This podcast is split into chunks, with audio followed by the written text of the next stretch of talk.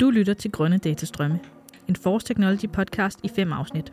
I dagens afsnit vil vi se nærmere på produkter, der ikke kun bruger IoT-teknologi, men også fremmer grønne initiativer gennem deres design og funktion. Mit navn er Sofie Fiore Milstjerne, og jeg er ansat i Force Technology som Digital Innovation Lead i vores afdeling for digital og bæredygtig innovation, og så er jeg vært på denne podcast. Forestil dig en produktionsvirksomhed, der producerer IoT-enheder. De konfronteres med en realitet. Mange IoT-enheder er ikke miljøvenlige og har korte levetider. Så de vil lancere et nyt produkt. En indeklimasensor, skabt med bæredygtighed for øje. De beslutter, at sensorens hus skal lave bioplast, som både er bionedbrydeligt og energieffektivt at producere. Og indvendigt skal komponenterne være moduler bygget for nemt udskiftning eller opgradering. Og så vil de gøre det muligt for sensoren at høste energi fra omgivelserne ved hjælp af solceller og vibrationer, som fjerner behovet for batterier. Som prikken over i'et vil den være designet til at blive sendt retur og genanvendt, når den er udtjent. Med bæredygtighedsagendaen sker altså transformation inden for produktudvikling og design, hvor bæredygtighed og teknologi går hånd i hånd. Men hvordan ser det ud i praksis? Hvordan navigerer eksperter og industriledere gennem udfordringerne og mulighederne ved at skabe sådan nogle innovative og grønne IoT-produkter? For at hjælpe os med at forstå dette og meget mere, er jeg glad for at byde velkommen til dagens gæster. Susanne Otto, senior specialist i Engineering and Test her hos Force Technology. Tim Magaloon, professor og sektionsleder for sektion for design for bæredygtighed hos DTU. Og Line Stærke, direktør hos IoTB. Velkommen til, og tak fordi I vil deltage. Vil I ikke kort fortælle, hvorfor emnet har jeres interesse? Du kan lægge ud, Susanne. Tak. Jeg arbejder med IoT og bæredygtighed som projektleder på vores resultatkontraktprojekt, der hedder Længe Leve produkter og materialer. Der udvikler vi metoder, værktøjer og teknologier, der kan hjælpe vores kunder med at designe produkter med lang levetid og dermed bæredygtighed. Vi kigger både på, hvad man kan gøre i designfasen, hvordan man kan tilstandsvurdere og levetidsforlænge i brugsfasen, og hvordan man kan bruge innovative teknologier til at re-upcycle, når produktet ikke har noget meningsfyldt liv mere. Og det er nok mit take på det her. Tak, Susanne. Og Tim, din interesse, hvor ligger den? Ja, jeg er professor på DTU i bæredygtige produkt-service-systemer, og det betyder, at jeg forsker og underviser inden for design for bæredygtighed, bredt øh, forstået, og herunder med cirkulær økonomi, design for alle mulige livsfaser af produkter, men også ikke bare produkter, men uh, hele systemer, som produkter skal, skal indgå i. Så sådan life cycle design, som det hedder. Tak, Tim. Og Line, du kommer fra IoTB. Hvad laver I hos jer, og hvor er din interesse? Ja, i øh, IOTP, der arbejder vi med IoT, og vi er i gang med at udvikle en platform, hvor man som virksomhed selv kan gå ind og udvikle sine egne IoT-produkter, uden at det kræver, at man selv har de her tekniske færdigheder som øh, programmering og elektronikdesign. Her ønsker vi selvfølgelig at skabe et så bæredygtigt produkt som muligt, og udover det, så arbejder vi meget med, hvordan at man kan udnytte IoT'en til for eksempel at forlænge øh, levetiden på produkter og hermed gøre IoT bæredygtigt. Tak. Jamen, øh, velkommen til, og tak fordi I vil deltage. Sensorige produkter kan overvåge slid og ydeevne, give besked om vedligeholdelsesbehov og dermed forhindre for tidlig svigt. Det kan også gøre det muligt at modtage softwareopdateringer online, som betyder, at produkter kan blive up-to-date og funktionelle i længere tid. Men Susanne, hvordan kan IoT ellers bidrage til at forlænge levetiden for andre produkter? Øh, noget det ligger jo i det, at IoT altid er connected. Så der kan du øh, få data med, hvad er tilstanden af dit produkt. For eksempel har det suget for meget fugt, hvis det er placeret udendørs, sådan så produktets funktionalitet begynder at blive påvirket. Og så kan man fjern fra lave korrigerende handlinger.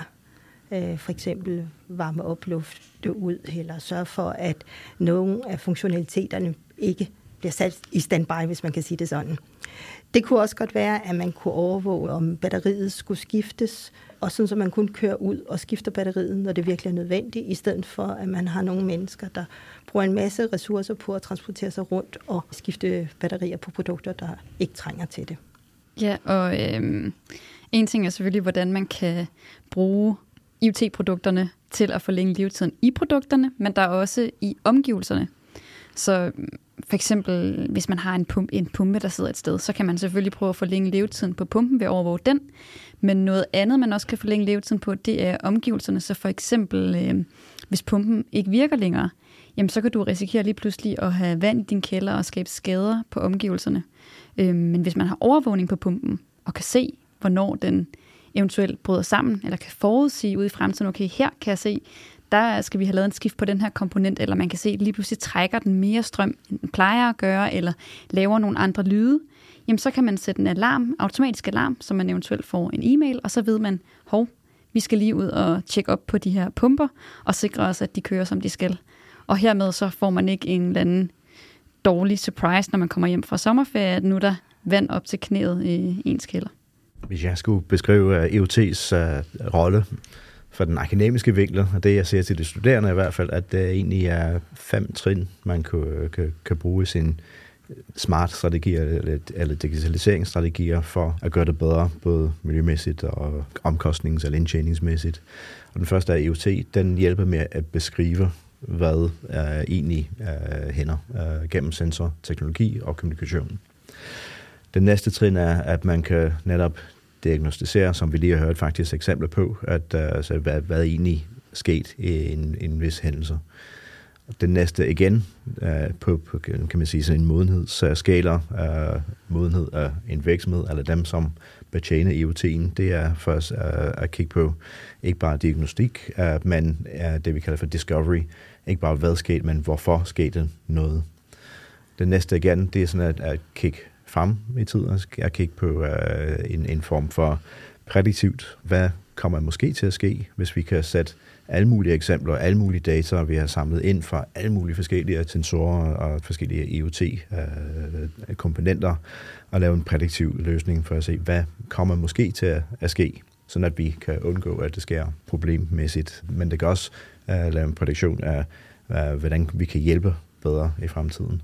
Og den aller sidste, det vi kalder for preskriptiv, det er, når tingene begynder at rette sig selv, og rette sig selv ind og optimere sig selv. Vi kan anvende bæredygtige materialer som bioplast i produktionen, eller lave modulær design, der kan tillade udskiftning eller opgradering af specifikke komponenter i enheden, i stedet for at udskifte hele enheden. Vi kan bruge nye metoder til at høste energi fra omgivelserne, til at indhente information og sende data. Og så kan vi designe vores produkter til nem genbrug. Men hvordan skal vi ellers tænke, når vi gerne vil designe vores IoT- og elektronikprodukter mere bæredygtigt? Ja, en af de ting, vi har gjort, det er blandt andet at sørge for, at batteriet kan være udskifteligt. Så der er rigtig mange, der vælger at støbe deres elektronik fast.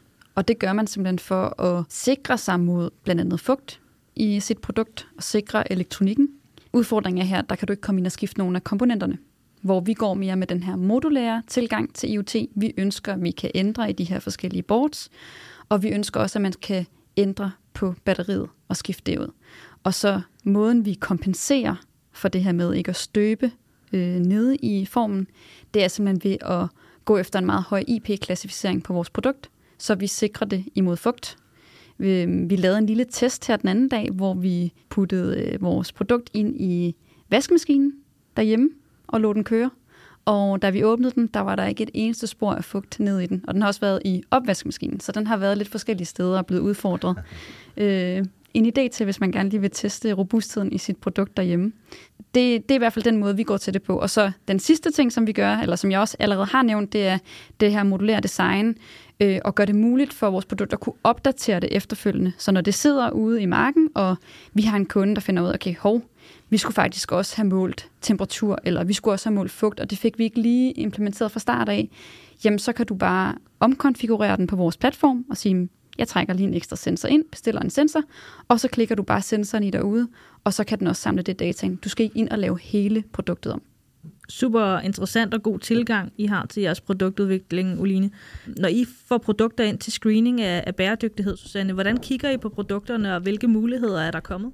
Først og fremmest så prøver vi at kigge på øh, hele produktets livscyklus, og så kigger vi på øh, energiforbrug, lang levetid, materialevalg, mulighed for reupcycling, og hvordan man kan bortskaffe det i sidste ende. Øh, energy harvesting er øh, en af de nye spændende teknologier. Der, øh, på papiret er der rigtig meget spændende.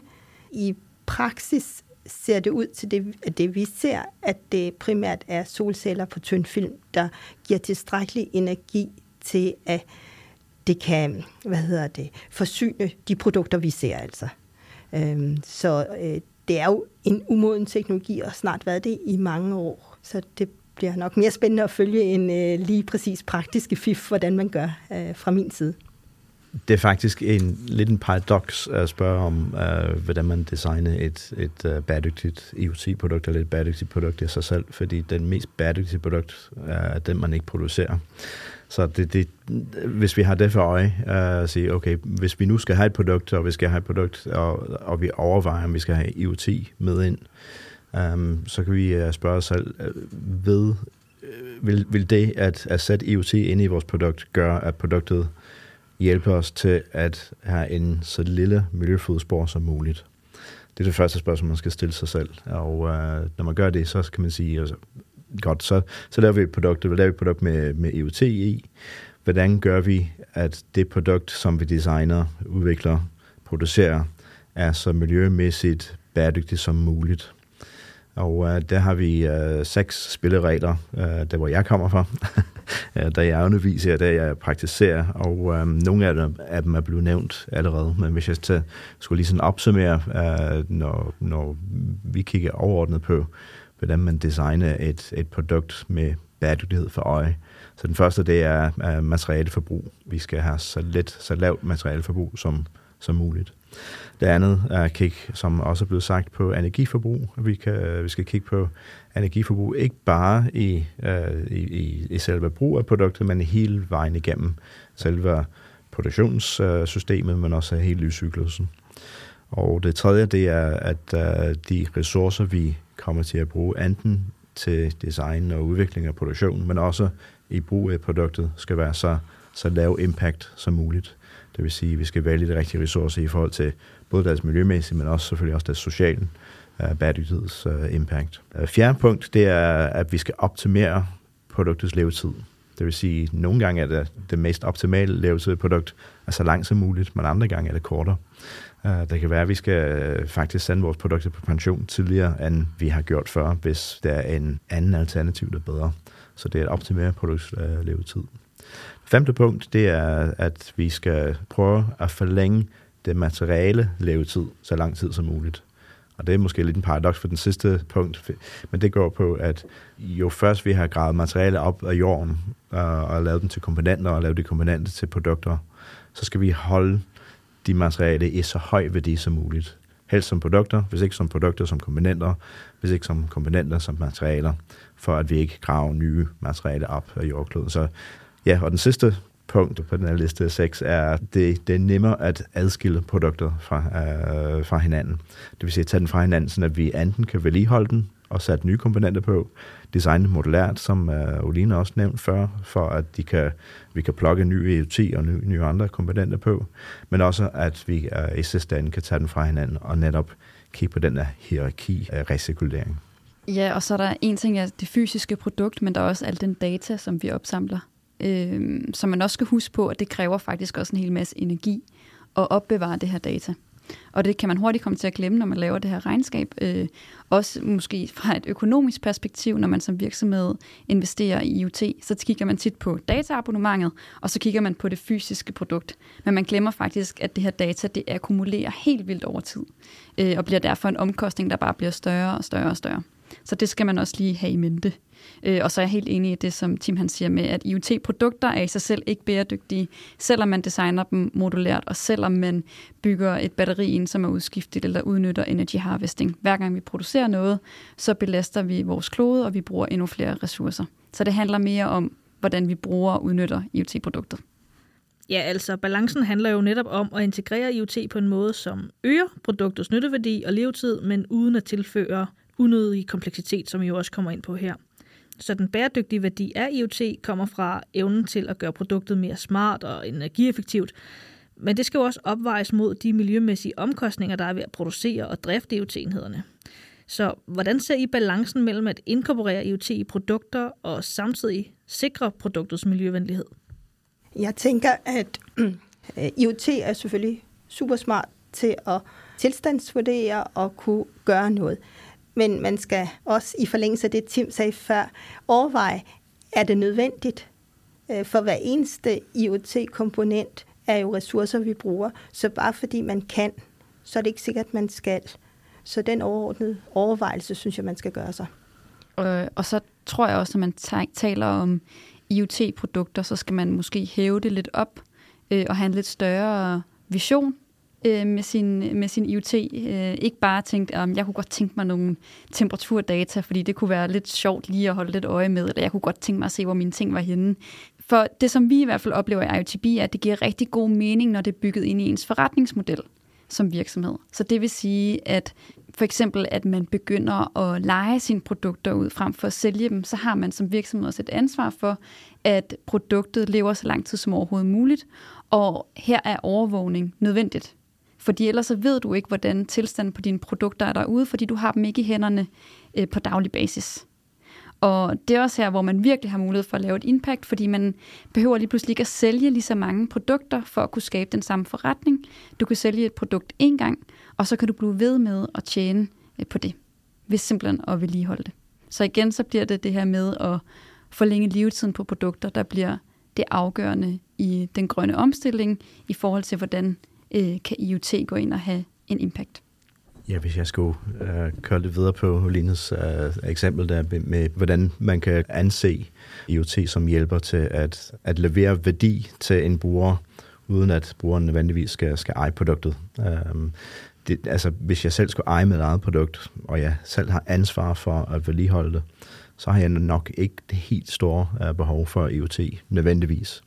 Men hvis selv samme produkt kommer ind i et andet system, hvor det er en virksomhed, som leger den ud til mig, eller leaser den til mig, eller jeg er en del af et eller andet sharing-system, så kan I ikke bare kan. IT er utrolig central for, at netop sådan nogle modeller kan lade sig gøre. IoT spiller en utrolig stor rolle, jo mere ansvar, som virksomhederne tager for at levere værdien, og ikke bare produktet. Og så er der hele datasikkerhedsdelen. Ja. ja, præcis. For det er også sådan, hvis, øh, når du putter IoT ind i et produkt, så udsætter du det faktisk også for en del fare udad til. Du, der er lige pludselig mulighed for, at der kan komme hacker ind i det system, altså hvis de får adgang til det, øh, og der kan komme nedbrud, som der ellers ikke vil være. Og hvis du bygger IoT ind produktet for ligesom at undgå nedbrud, så er det lige pludselig, altså så, så giver det lige pludselig ikke den samme mening. Så det er virkelig vigtigt, at man har fokus på datasikkerhed, når man vælger at bygge IoT eller indkøbe IoT. Ja, der er jo mange udfordringer også, øhm, når man skal som producent, når man skal implementere IoT i, i bæredygtige produkter. Der er omkostninger ved bæredygtige materialer, der er behov for at redesigne produkter til modulært bæredygtig brug. Øh, der er udfordringen ved at sikre, at komponenter i sig selv er energieffektive, så der er en rigtig stor læringskurve for virksomhederne også, og ikke mindst i forhold til det her datasikkerhed. Tim, hvilke udfordringer står producenterne ellers overfor, når de skal implementere IoT i de bæredygtige produkter? Øh, det jeg ser er, at den største udfordring er, at IoT indtil videre er kommet som add-on rent tankemæssigt i sit design. Og øhm, det, det som, som vi, vi lidt mangler, er systematiske metoder til at tænke IoT ind i sin produktudvikling. Der, hvor jeg, jeg ser, at, at øh, uh, IoT har, har fejlet i nogle af eksempler, som jeg ikke skal nævne uh, uh, specifikt, men det er der, hvor en virksomhed ikke nødvendigvis har en, en smart strategi eller en digitaliseringsstrategi, men bare prøver noget af. I forhold til nogle af de udfordringer, som vi har set, uh, som har gentaget sig hos flere af vores øh, nuværende partnere, og det er, at de er kommet til faktisk at bygge IoT for meget ind i deres produkt. Og det er jo ikke den måde, når du siger integrere det fra starten af. Det er ikke, det er ikke på den måde, det er mere sådan fysisk.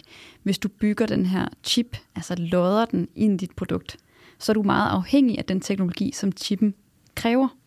For eksempel 2G-netværket, som er blevet lagt ned nu, og der er rigtig mange produkter derude, som man er nødt til at skille sig af med. Måske fordi de simpelthen ikke har været bygget modulære nok op. Der er det bedre, at man ligesom prøver at adskille sit produkt lidt, og så ser på IoT-delen som en del for sig, og sit produkt som en anden del, og så kan man skifte IoT-komponenten ud i og med, at de netværkene bliver lagt ned. Og det er også en ting, jeg vil ønske, vi kunne lave om på. Det var ikke at hele tiden at udvide på de her netværk og lægge de gamle netværk ned, for det gør faktisk, at vi får en masse produkter, som ikke er forældet, dem er vi lige pludselig nødt til at skille os af med øh, bare meget lavpraktisk, så betyder IoT jo også, at øh, produkter kommer ud og sidder steder, hvor de ikke sad i gamle dage. Altså ude, hvor der er øh, fugtigt, hvor der er, kører biler hårdt forbi, hvor der er havvand og alt muligt andet. med ret kompleks elektronik, som skal optimeres, ikke efter nye revolutionerende metoder, men der skal tænkes over tingene hele vejen igennem. Både hvordan man får det til at øh, fungere i miljøet, hvordan funktionaliteten kan opretholdes gennem lang tid, og at man vælger de rigtige materialer. Så bare det, at man kan putte dem ud steder, det gør altså også, at der kommer ekstra fokus på design til robuste produkter med lang levetid. Sikring af lang levetid, og dermed, at der er rum til skalering og konnektivitets- og teknologitilpasninger, det er virkelig vigtigt. De større virksomheder de kan drage fordel af skala. Øh, de har mulighed for at implementere grønne IoT-løsninger på tværs af mange produkter og processer, som kan føre til betydelige energibesparelser. Hvordan kan virksomhederne ellers drage fordel af de grønne IoT-løsninger? Jeg tænker, at øh, netop de, de øh, store virksomheder, der hjælper IoT-løsninger til at understøtte deres strategi.